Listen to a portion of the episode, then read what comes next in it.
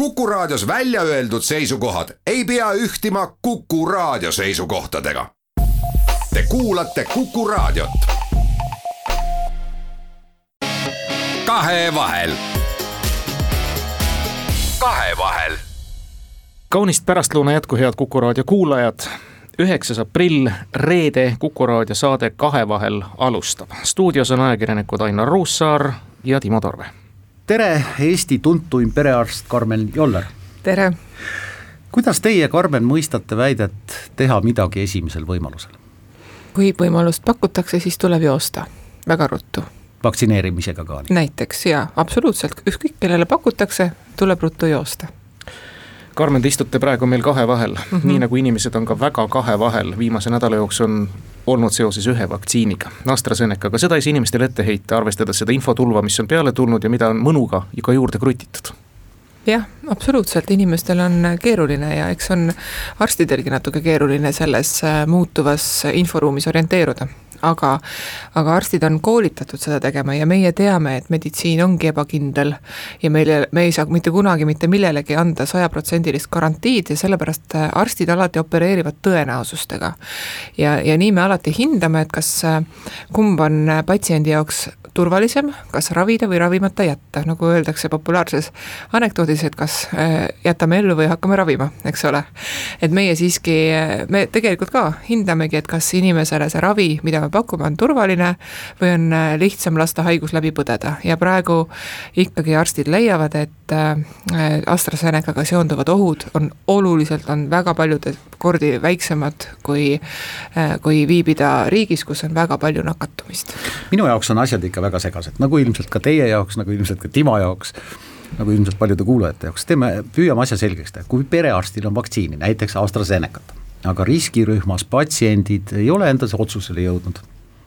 kas te siis, ma ei tea, kirjutate või helistate neljakümne viie aastasele täiesti tervele patsiendile, ütlete kiiresti süstima?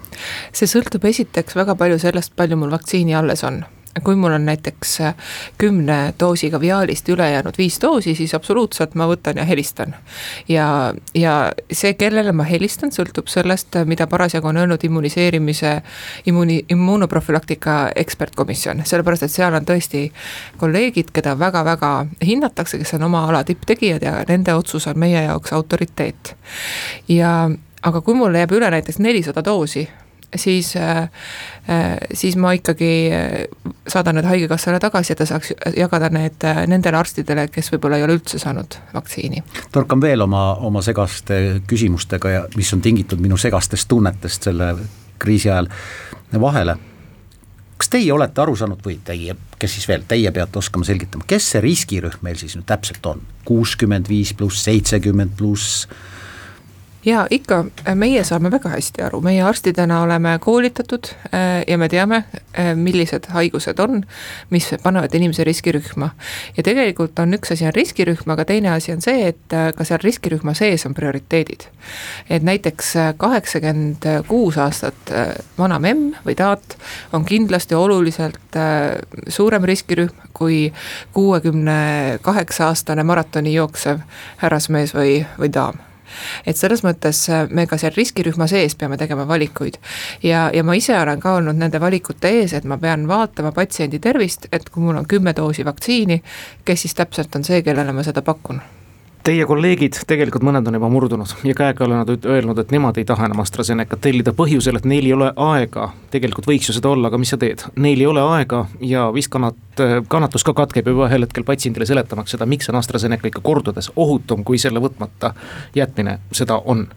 et seda ei saa ka loomulikult neile ette heita, kas teie leiate selle aja, kui järjekordselt helistab inimene, võtab nööbist kinni ja tuleb teile kasvõi noh, Kivimäe perearstikeskusesse, et võtta see kümme-viisteist minutit, sõltub nüüd muidugi vanuri kangekael reaalsusest, et talle selgeks teha, et see vaktsiin on ohutu? Äh, kui inimene on kahtleja, siis ma räägin loomulikult talle seda, mida mina hindan, mida mina arvan ja mida mina tean. ja, ja siis väga sageli see inimene otsustab ikkagi vaktsineerida ja vahel ta tahab veel aega mõtlemiseks ja siis ta mõtleb ja, ja hiljem ütleb siis, kas ta tahab või ei ja väga paljud aja jooksul ikkagi hakkavad tahtma aga kui inimene on täielikult kindel, et tema ei soovi, no mina ei hakka teda ümber veenma, sellel ei ole mõtet. kui inimene on otsustanud, see on tema tervis, see on tema keha, tal on õigus otsustada ja, ja minu eesmärk ei ole ühtegi keeldujat täielikult ümber veenda. Karmen Joller, kas Jüri Ratas, praegu riigiametit tähtsuselt teine juht, on ennekõike patsient või ennekõike riigimees?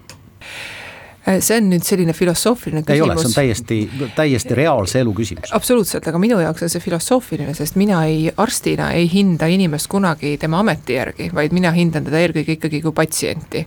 ja kui mina ütlen patsiendile, annan oma soovitused, siis mul on hea meel, kui patsient neid kuulab aga see, kas äh, inimene, inimese jaoks on tähtis äh, see tema kui inimene või tema kui riigijuht, et see on nagu pigem äh, kellegi teise vastata küsimus kas te seda kindlasti julgete ka hinnata, algusest peale, kui juba tulid esimesed signaalid, esimene kaubik sõitis Terviseametisse sisse esimese Pfizeri nii-öelda kogusega vaktsiiniga kuni siis nüüd viimase nädalavahetuse noh, kaosvaktsineerimiseni välja. kas riik on talitanud õigesti jagades vaktsiine kas perearstiti, aeg-ajalt ette võttes kampaaniaid, aeg-ajalt ette võttes ka maineparanduskampaaniaid, kogu see vaktsineerimise protsess? Äh, no enne, kui seesama auto jõudis Eestisse, juba enne olid kokku lepitud riskirühmad olid lepitud kokku see, millises järjekorras keda vaktsineeritakse, et alustatakse meedikutest, siis minnakse üle kaheksakümmend pluss vanuses inimestega, inimestele ja nii edasi ja nii edasi. ja tegelikult selliste kokkulepete korral, kui neid kokkuleppeid enam ei järgita, siis selles osas tuleks ikkagi siis saavutada kas uus konsensus, kui on muutunud olukord, või minna edasi vanamoodi. et mina ei leia, et kokkulepete omavoliline rikkumine, nii nagu tegelikult on seda praegu tehtud riigi tasandil. ma ei tea küll, mis mõt-, äh, mis need argumendid on olnud, aga et mina ei leia, et see on õige, sellepärast noh, seda on ka praktika näidanud, et me tegelikult perearstidega hoiatasime, et riskirühmad. kui me oleme saatnud välja sõnumi, et riskirühmi vaktsineerib perearst, siis on täiesti loogiline, et. et näiteks maalt ei hakka keegi sõitma linna, mõni siiski hakkas, Vändrast ju mindi lausa Jõhvi. et aga üldiselt eakad inimesed ikkagi ootavad oma perearsti kõnet ja tegelikult Äh, riskirühmade vaktsineerimine peaks käima inimese kodu lähedal, kus ta tunneb äh, ja arsti ja meediku poolt, keda ta usaldab. teeme siin pausi ja siis jätkame. kahevahel. kahevahel saade Kahevahel jätkab, Kuku stuudios on perearst Karmen Joller, tema paremal käel ajakirjanik Timo Tarve ja vasakul käel Ainar Ruussaar. Karmen, kuidas teie pühade nädalavahetus möödus? värvisime mune ja ja olime perega koos. Te ei läinud sõleks ega läinud Tondiraba jäähalli kedagi paaniliselt süstima, nii nagu seda tegid kümned kolleegid ja mille eest ju tegelikult perearstide selts. No ma ei ütle, et hoiatas, aga ta manitses või vangutas pead, no milleks seda nüüd vaja oli? no sinna läksid süstima need kolleegid, kes töötasid nendes asutustes, äh, kes vaktsineerisid, meie tol nädalavahetusel ei vaktsineerinud, aga me oleme ka nädalavahetustel vaktsineerinud. sellepärast, et meil on õed öelnud, et et äh, palju mugavam on, kui telefon kogu aeg ei helise ja kõik muu töö ei, ei sega vaktsineerimist, et saab rahulikult pühenduda. et tegelikult ongi niimoodi, et äh, perearstide, äh, need perearstikeskused ja need töökorraldus on väga erinev. näiteks üksikpraksises, kus töötab üks õde, üks arst, saab teha tööd ühtemoodi ja praksises, kus on kümme õde, kümme arsti, saab teha tööd teistmoodi. et äh, sellepärast on hästi oluline, et perearstikeskused saaksid ise otsustada, mismoodi nad täpselt vaktsineerivad, sest äh, selle, see on nagu kindel, et kõik kõikide perearstide jaoks on väga suur prioriteet äh, saada oma riskirühmad vaktsineeritud, sest need on inimesed, need on meie oma inimesed, kellega me kohtume ja, ja keda me hästi tunneme ja väga paljud on meile rohkem kui sõbrad teinekord või noh, ütleme rohkem kui patsiendid, et nad on ikkagi juba nagu sõbrad. Karmen, ma esitan teile väga lihtsa küsimuse mis on siis olulisem, kas see, et vaktsineeritud on näiteks seitsekümmend protsenti kõigist Eesti täiskasvanud elanikest või see, et vaktsineeritud on üheksakümmend protsenti noh, kuuekümne viie ja vanematest inimestest? Äh, see sõltub nüüd, millist ajaraami me vaatame, kui me vaatame pikka aega, siis kindlasti seitsekümmend protsenti kõikidest Eesti elanikest peaksid saama vaktsineeritud. Karmen, me kõik vaatame seda ajaraami Aga..., et lõpeks jama ära. jaa, ei no see jama lõpebki siis ära, kui on seitsekümmend protsenti kõikidest vaktsineeritud, see ei lõpe enne aga kui me vaatame seda, et meil on vaja jõuda sinna seitsmekümne protsendini, siis me peame alustama ikkagi sellest äh, rühmast, inimrühmast, kes vajab äh, kõige rohkem kaitset, ehk et ja kes tegelikult ka koormab üle meditsiinisüsteemi kõige rohkem, mitte et see nüüd nende süü oleks. et inimene ei ole süüdi selles, et ta on vanem kui kaheksakümmend või vanem kui seitsekümmend ja lisanduks, lisaks on tal kroonilised haigused, vaid me peame ikkagi lähtuma sellest, et äh, meie meditsiinisüsteem saaks pandeemiaga hästi toime tulla ja ma küsingi selles mõttes, tulles tagasi ka selle nädalavahetuse küsimuse juurde, et kas on nüüd õige, et poliitikud koostöös, ütleme siis eh, võib-olla natukene asjatundjatest ka koosnevate komisjonidega ministeeriumis hakkavad paika panema seda plaani. või oleks pidanud ikkagi küsima esmatasandi meditsiinitöötajate käest, kuulge, kuidas me kõige paremini saaksime. doktor Vallikivi, Eesti Perearstide Seltsi juhatuse esimees ütles kohe ära, et kõige parem oleks olnud see tuhanded vaktsiinid jaotada üle perearstide keskuste laiali, oleks saanud sama efekti, võib-olla siin nädala pikema ajaga absoluutselt, äh, tähendab see plaan oligi see, et riskirühmade vaktsineerimine toimub läbi perearstide ja see plaan ei näinud ette ühtegi vaktsineerimiskampaaniat enne, kui riskirühmad on vaktsineeritud. ja me juba algusest peale on olnud kokkulepe, et need kampaaniad tulevad, aga tulevad siis, kui on sihtrühmaks nooremad inimesed, kes ongi altimad tulema kaugemale ja kiiremini ja, ja kõrgemale ja nii edasi. aga loomulikult perearstid pääsevad oma riskirühmadele ligi kõige kergemini, kõige lihtsamini ja saata kakskümmend pluss, kakskümmend tuhat ja rohkem doosi kuhugi kõrvale ei olnud õige otsus, absoluutselt ütlen seda. Karmen, ma küsin teilt äh, veel ühe väga lihtsa küsimuse. kas neid, kes tänast kriisi juhtima on seatud, ma mõtlen riigiametite juhte ja ministreid, kas neid on sellega tegelemas liiga palju või liiga vähe? See ei ole saate aru küll, kuhu ma rihin see ei ole üldse lihtne küsimus, ma saan aru, et kõik küsimused on väga lihtne kirjutada, aga vastata neid ei ole lihtne. ma tegelikult olen isegi kunagi õppinud kriisijuhtimist, seda küll rohkem nagu hobi korras, mitte, mitte niimoodi päriselt. et kriisijuhtimise üks kõige olulisem äh, aspekt on selged ja ühesugused sõnumid ja ma arvan, et see on võib-olla olnud üks äh, keerulisemaid asju siiamaani kriisis ja see on tegelikult igas kriisis väga keeruline, on just see kommunikatsiooni pool. et äh, nagu ma enne mainisin, et äh, kui suudetakse omavahel kokku leppida ja neid kokkulepped ka peavad, siis on oluliselt lihtsam. ja ma arvan, et see kriisijuhtimine ütleme vähemalt vaktsineerimise seisukohalt olekski olnud väga okei okay,, kui need kokkulepped oleksid pidanud. aga kui täiesti ootamatult hakatakse käigu pealt kõike muutma, siis see tekitab segadust ja see on ootuspärane kas see oli puhas poliitika või see tuli nüüd ametkondade tasemel, see initsiatiivi näitamine, teil on seda siseinfot võib-olla rohkem kui meil? ma ei tea, kust see tuli. meie nägime seda loomulikult läbi ametnike, aga kes ametnikele ülesandeid andsid, ma täpselt ei oska öelda, et kas see tuli näiteks sotsiaalministeeriumist või hoopis kuskilt valitsuse tasandilt, ma ei, ma ei tea seda, et, et see, seda oskavad, oskab öelda keegi teine.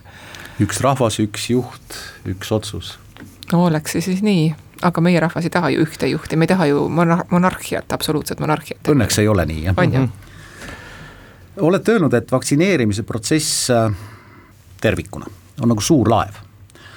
ja jättes kõrvale hiljutise Suessi kanali juhtumi, siis, siis suurt laeva tuleb oskuslikult juhtida olgu selleks siis kapten, esimene tüürimees, teine tüürimees, kolmas tüürimees või pardaelektroonika, aga aga see laev on suur, kuidas ma ei jäta teid rahule, kuidas selle laeva juhtimisega praegu ikkagi Eestis on? kui me mõtleme Suessi kanalile, siis seal oli kapten ja ja elektroonika. ja elektroonika ja lootsid, ma oletan sest äh, vähemalt nii palju, kui mina tean, siis peaks lootsid ja kõrbetuul, ootamatu. jah, just mm, -hmm. ja mhm. kõrbetuul, eks ju. et see kapten võib olla väga võimekas ja osata juhtida väga suurt laeva, aga vahel tuleb äh, kuulata lootsi ja arvestada kõr-, kõrbetuulega. ja võib-olla, et see ongi, et äh, kui ikkagi väiksed lootsid, väiksed perearstid ütlevad, et meie tunneme oma riskirühmi kõige paremini, et siis võiks tegelikult neid lootse, lootse kuulata ja ma saan aru, et tegelikult tänaseks on see ka nii juhtunud, sellepärast et nüüd on ju lubatud täiesti ametlikult, et enne ei tule ühtegi suurt kampaaniat, kui alles maikuus, kui meil on väga palju vaktsiini ja perearstid saavad hetkel rahulikult oma riskirühmi vaktsineerida. iseasi, kuidas see õnnestub, sest AstraZeneca on meie vaktsiin praegu, kui usaldus on selle vaktsiini vastu kadunud ja, ja noh, nüüd teha seda tööd on juba ütleme kümneid kordi raskem, kui oleks olnud kolm nädalat tagasi eelmise ööpäeva jooksul, nagu me kuulsime, tegelikult vist jõuti kolmteist tuhat vaktsineerimist ära teha. see on päris märkimisväärne number ja enamuses ikkagi AstraZenecaga juurde. tulles nüüd selle õnnetu AstraZeneca juurde, selgitage palun arstina nüüd, te ilmselt olete ka vastavaid teadusartikleid lugenud, Euroopa Ravimiameti selgitusigi. mis asi selles AstraZenecas teeb selle vere nii halvaks, et ta paneb selle hüübima, kuidagi teistmoodi tekitab trombe. ja meenutagem siis eeskätt saja tuhande elanike kohta keskmiselt ühel-kahel inimesel, kes on alla kuuekümne aastane naine, eranditult. isegi alla viiekümne viiene. isegi alla viiekümne viiene, nii et äh, tegelikult need, need on kõik alles hüpoteesid, et keegi täpselt hetkel ei tea, mis, mis see mehhanism on, mis paneb, äh, mis neid trombe niimoodi või õigemini tromboos, äh, trombotsüüte natuke Äh, kõrvaldab organismist. aga üks hüpotees on see, et see on näiteks geneetiline mingil moel.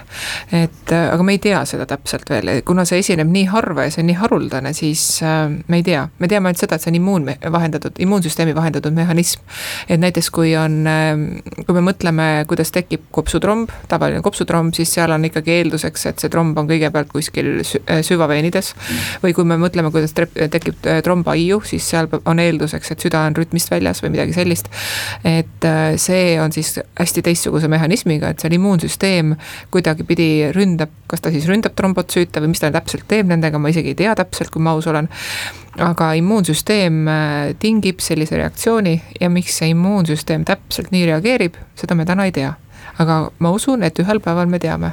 no neid juhuseid on ju ju imevähe, ehk siis tegelikult ja, ja neid on tead, teadusel on ja. lihtne materjal käes, neid, neid juhuseid lihtne on vähe. materjal on käes, aga mida vähem juhuseid, seda raskem on neid uurida eks ju, et me ei tea ju neid andmeid, me ei tea eelnevaid andmeid alati kõiki täpselt, et eh, mida rohkem on materjali, seda kergem on uurida teaduses. mina olen sealpool rindejoont, kes nende väheste juhustega sõdib ja ütleb, et, et ei ole hullu, aga aga noh, see sõda on läinud ka teatavas mõttes demagoogiliseks, peaminister Kaja Kallas Riigikogu ees tõi näiteks, et mida te hädaldate, mida te paanitsete, kolmekümne tuhande, kolmekümne miljoni lennureisija kohta on kakskümmend tuhat tromboosijuhtu mm. -hmm. peaks hirmutama, peaks veenma no,, mis see õige taktika on? nagu ma ütlesin, arstid ikkagi alati opereerivad tõenäosustega, et meie ka, näiteks kui me võtame, hakkame võtma otsast peale, meil on väga kõrge nakatumus endiselt, kuigi meil juba vaikselt need numbrid langevad, oleme me endiselt ikkagi Euroopa tipus ja võib-olla isegi, võib-olla et ka maailmas üsna kõrgel kohal.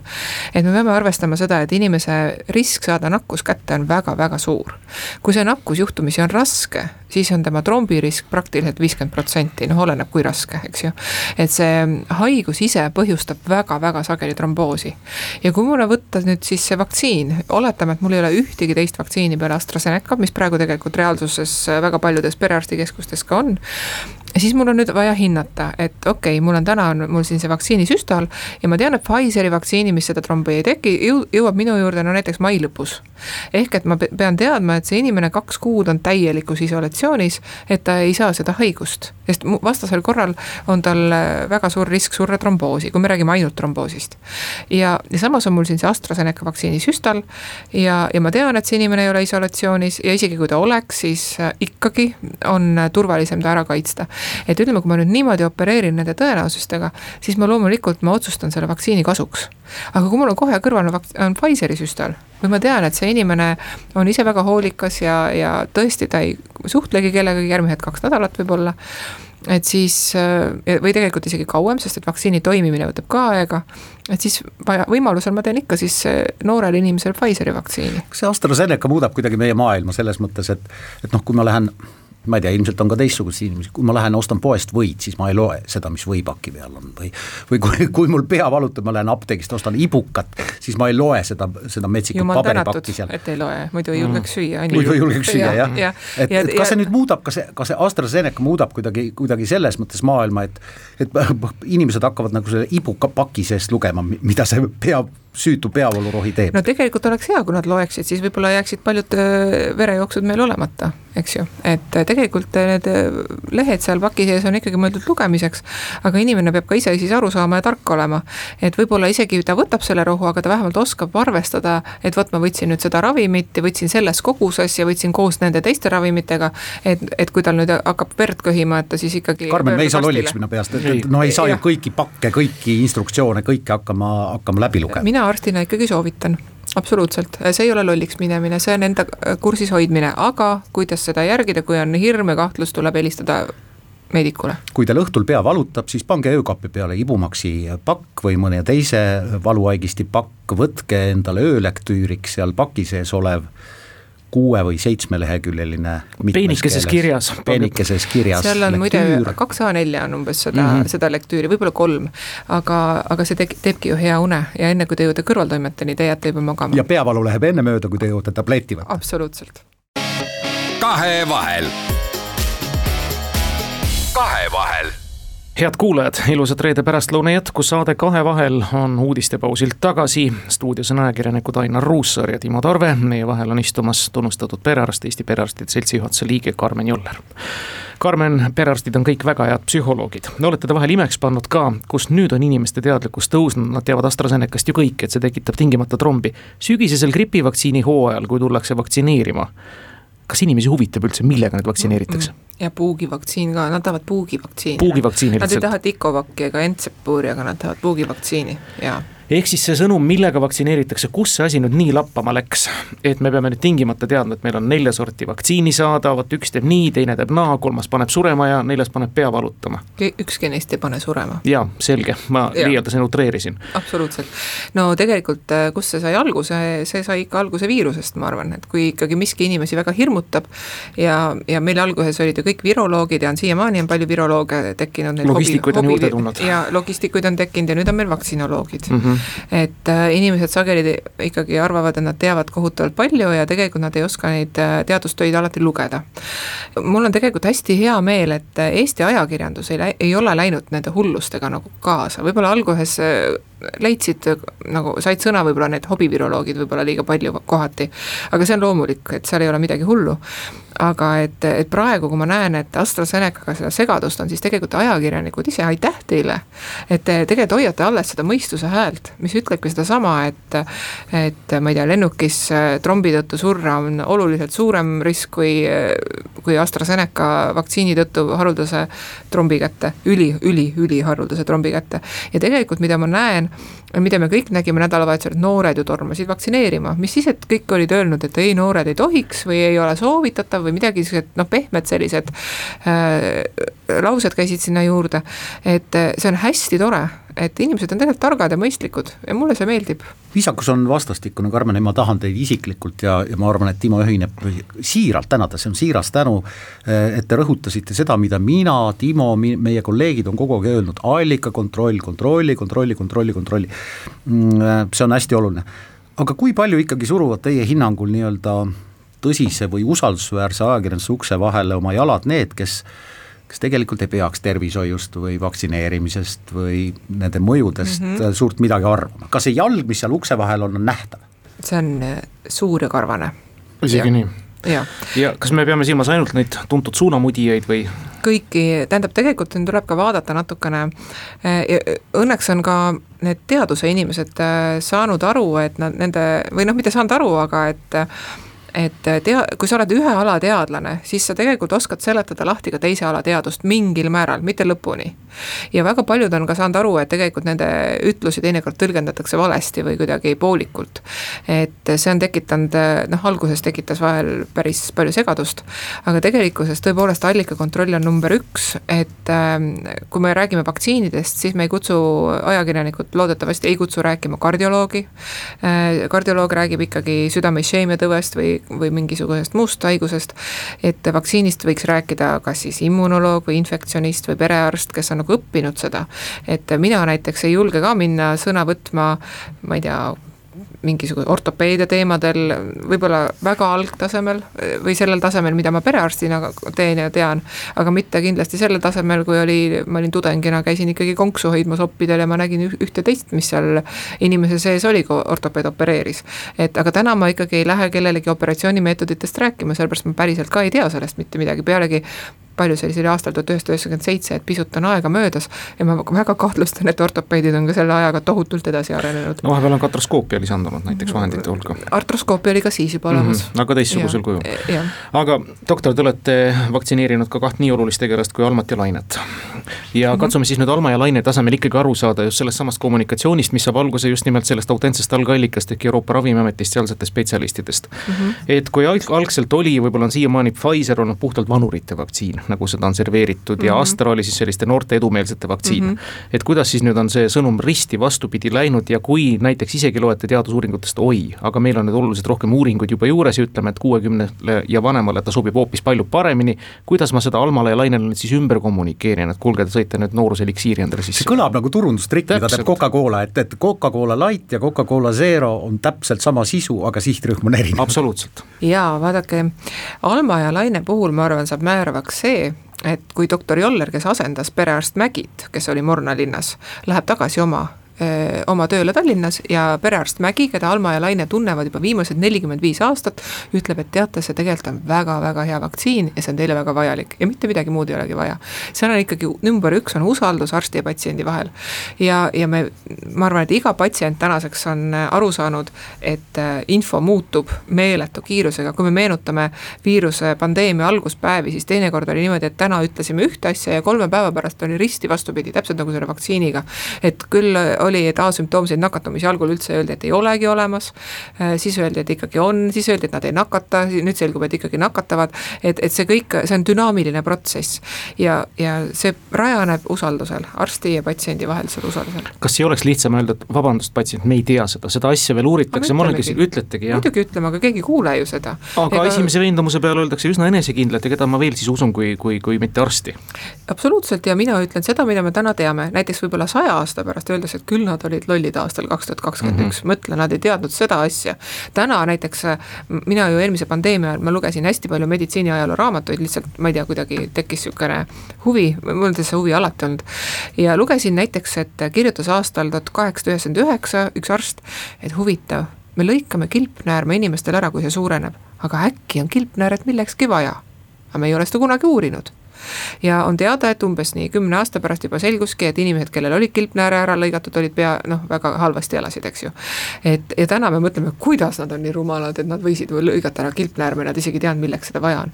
et teadus arenebki ja, ja kui me räägime praegu siin sajaaastasest vahest, siis meil on, meie silme all on teadus arenenud praegu teinud ikkagi mitmekümneaastase hüppe mulle jäi teie jutust üks, üks seik kõrva, minu ema on arst, tõsi, ta ei praktiseeri enam ammu pediaatrina. aga ma, mäletan, kui ta veel praktiseeriv arst oli, siis ta ütles, et kõige, kõige hullem otsus arsti jaoks on öelda, et ma ei tea, mis teil viga on. tänapäeval me nii enesekindlad ei ole, mina ütlen väga sageli, et ma ei tea, aga me uurime. anname saatekirja spetsialisti juurde. näiteks jah, ja ma olen mõelnud, et need tippspetsialistid, küll neil on raske, sest neil saavad ju uuringud ka otsa. et äh, aga nemad teevad niimoodi, et nad võtavad kokku konsiiliumi ja arutavad kolleegidega ja, ja siis kollektiivselt ütlevad, me arutasime, aga tegelikult me ei tea, mis see on.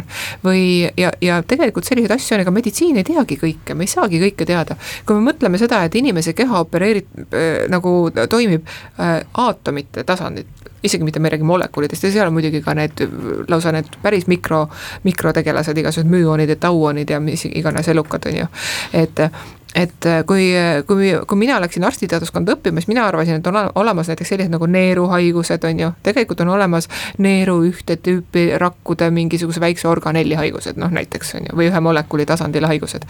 et et tegelikult see, need tasemed, millel me õpime ja uurime inimest tundma, see on ikkagi tohutu ja me ei ole jõudnud väga paljut, me ei tea inimesest ja seega tuleb siis seda taandada ka sellele, et nii palju, kui me teame, nii palju me teile ka armsad inimesed ütleme, kas te saate mm -hmm. kätt südamele pannes öelda seda, et kõik perearstid on nii tublid, et nad viimast kirjandust, viimast teavet immunoprofülaktika komisjonilt tulevat uudist kirja, isegi kui see on salane, et nad enda teada selle ei jäta, vaid ütlevad kõik sellega viimase uudise tasemel oma patsientidele välja. aga seda me, seda me tegelikult ju teemegi, et selleks ongi meil olemas immunoprofülaktika ekspertkomisjon, et mina ei peaks lugema kümme tuhat lehekülge teaduskirjandust läbi, et seda teevad need paarkümmend inimest kelle töö see ongi ja kes seda teevad nagunii igapäevase töö raames. et ja kui nemad ütlevad välja, siis ma tean, et see töö on tehtud, see on hästi tehtud ja siis mina saan öelda, et vot täna me ei soovita seda vaktsiini alla kuuekümne aastastele inimestele. aga kui me soovitame, et siis, kui te ikkagi seda soovite, siis vot on sellised sümptomid, mida te peaksite jälgima nii ja nii. et ma pidin tegema, mina tegin ju omaenda isi-, isikliku infolehe, sellepärast et ma ei jaksanud rääkida inimestele kõiki neid jutte ja, ja sellest vaktsiini infolehes on puudu mitmeid asju, mida inimesed küsivad tihtipeale. ja ma tegin siis eraldi infolehe, ma pidin selle nüüd ümber tegema, sellepärast et sealt oli osa asju puudu, kuna, kuna see info nii palju muutub. nii et äh, arvutit avades ei, ei saa te selliseid e-kirju kusagilt kõrgemalt et täiesti salajane, saate seda lugeda ainult ID-kaardi või Smart-ID vahendusel ja peate selle kõik enda teada jätma ja selle teadmisega ise elama. ja, ja siis, ja siis lähed ja süstid seda mürgisüsti, kus on kiip sees, et saaks, keegi saaks aktiveerida inimese, eks ole, ei, meil on kõik avalik. oleks panustanud ikkagi elavhõbedale rohkem, aga siinkohal läheme väikesele pausile veel. kahevahel. kahevahel saade Kahevahel jätkab viimast veerandit, stuudios on doktor Karmen Joller, ajakirjanikud Timo Tarve ja Ainar Ruussaar. Karmen mm,, kui ma vaatan teleuudiseid, siis üha rohkem ma panen tähele neid katteplaane, mis on võetud perearstide kabinettidest, kus energiline, rõõmsatujuline pereõde teeb sutsaka sutsaka järel ja morni näoga, näost hall perearst vaatab arvutit ja klõbistab klaviatuuri. mida see tähendab? Kas see ongi igapäevatöö? tähendab, et perearstidele peaks soovitama rohkem põsepuna, nagu ma aru saan. see on üks asi. jah, aga tegelikult, äh, tegelikult on ikka see jah, et me alati uurime inimese tausta me enamikus, enamikul patsientidel muidugi me ka teame, mis tal on viga. et, et me oskame neid äh, erinevaid riske hinnata. no näiteks, kas tal võib tekkida mingi allergiline reaktsioon või, või mida iganes, või siis seesama tromb. et äh, me teeme alati taustauuringu ja siis me kirjutame sisse, mida me inimesele oleme rääkinud, kirjutame ilusti üles. kirjutame, et tal ei ole vastunäidustusi ja, ja siis oma soovitused, no nii nagu üks arstivisiit käib ja kas see kõik, mis te sisse kirjutate, põhimõtteliselt on näiteks Mustamäe haigla eriarstile ka teada, ehk siis jutt käib nende süsteemide ühildavusest ja ma olen aru saanud, et ega perearstid võtavad ka vastavalt hangetele, vastavalt seda, mis on enamasti odavam, eks ole, aga ei ole ühe firma tehtud ja kas need asjad ühilduvad omavahel? meil on äh, see tervise infosüsteem, me saadame kõik sinna ja siis mis iganes tarkvara keegi kasutab, ta saab sealt vaadata. ühesõnaga, seda küsimust enam ei ole, mis on üleval vahepeal olnud, et kui keegi käis ikkagi teie teadmata massvaktsineerimisel, te seda ei tea? see on hoopis teine küsimus jah, see, see ongi see, et me peame minema vaatama, et see on nii nagu, kui sul tuleb kiri postkasti, äh, näiteks seal äh, tavaline kiri. siis sa kõnnid tipa-tapa postkasti juurde, võtad sealt selle kirja ja noh, kõigepealt sa vaatad, kas sul on kirju ja siis sa leiad, et seal on kiri. aga meie ei tea, millal postiljon käib, meie ei tea, kas näiteks patsient on käinud eriarsti juures vahepeal või midagi muud teinud, et me peame minema ka täpselt niimoodi tipa-tapa, tegema lahti selle äh, tervise infosüsteemi ja vaatama. aga jah, meil on nüüd tulemas, ma loodan, et järgmise nädala lõpuks äkki isegi jõuab valmis äh, selline lahendus, kus me saame teha sel-, sellise päringu, et kes meie nimistus on juba vaktsineeritud, õigemini selline pigem see päring, et kes vajavad vaktsineerimist ja mis on nende staatus ja, ja kõik need just nagu riskirühmade kohta.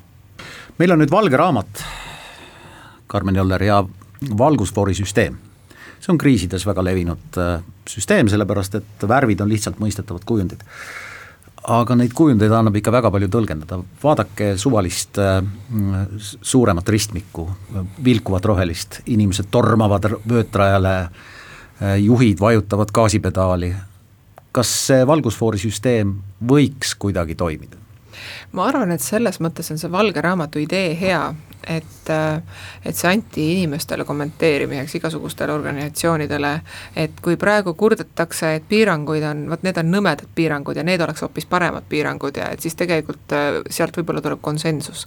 ma saan aru, et äh, oodatakse sellist karmikäelist juhtimist, aga no vot, ma ei tea seda, et ma arvan, et see oleks tore, siis saab inimestele öelda, ise tegid ise nagu ütles Kaval Ants, ütles kas te tõesti loodate, et kui on punane, siis kõigi jaoks on punane, punane? ei ole, see ei ole kunagi nii, isegi valgusfoori all pan-, pannakse punasega üle, loomulikult ei ole, aga selleks on meil muud mehhanismid.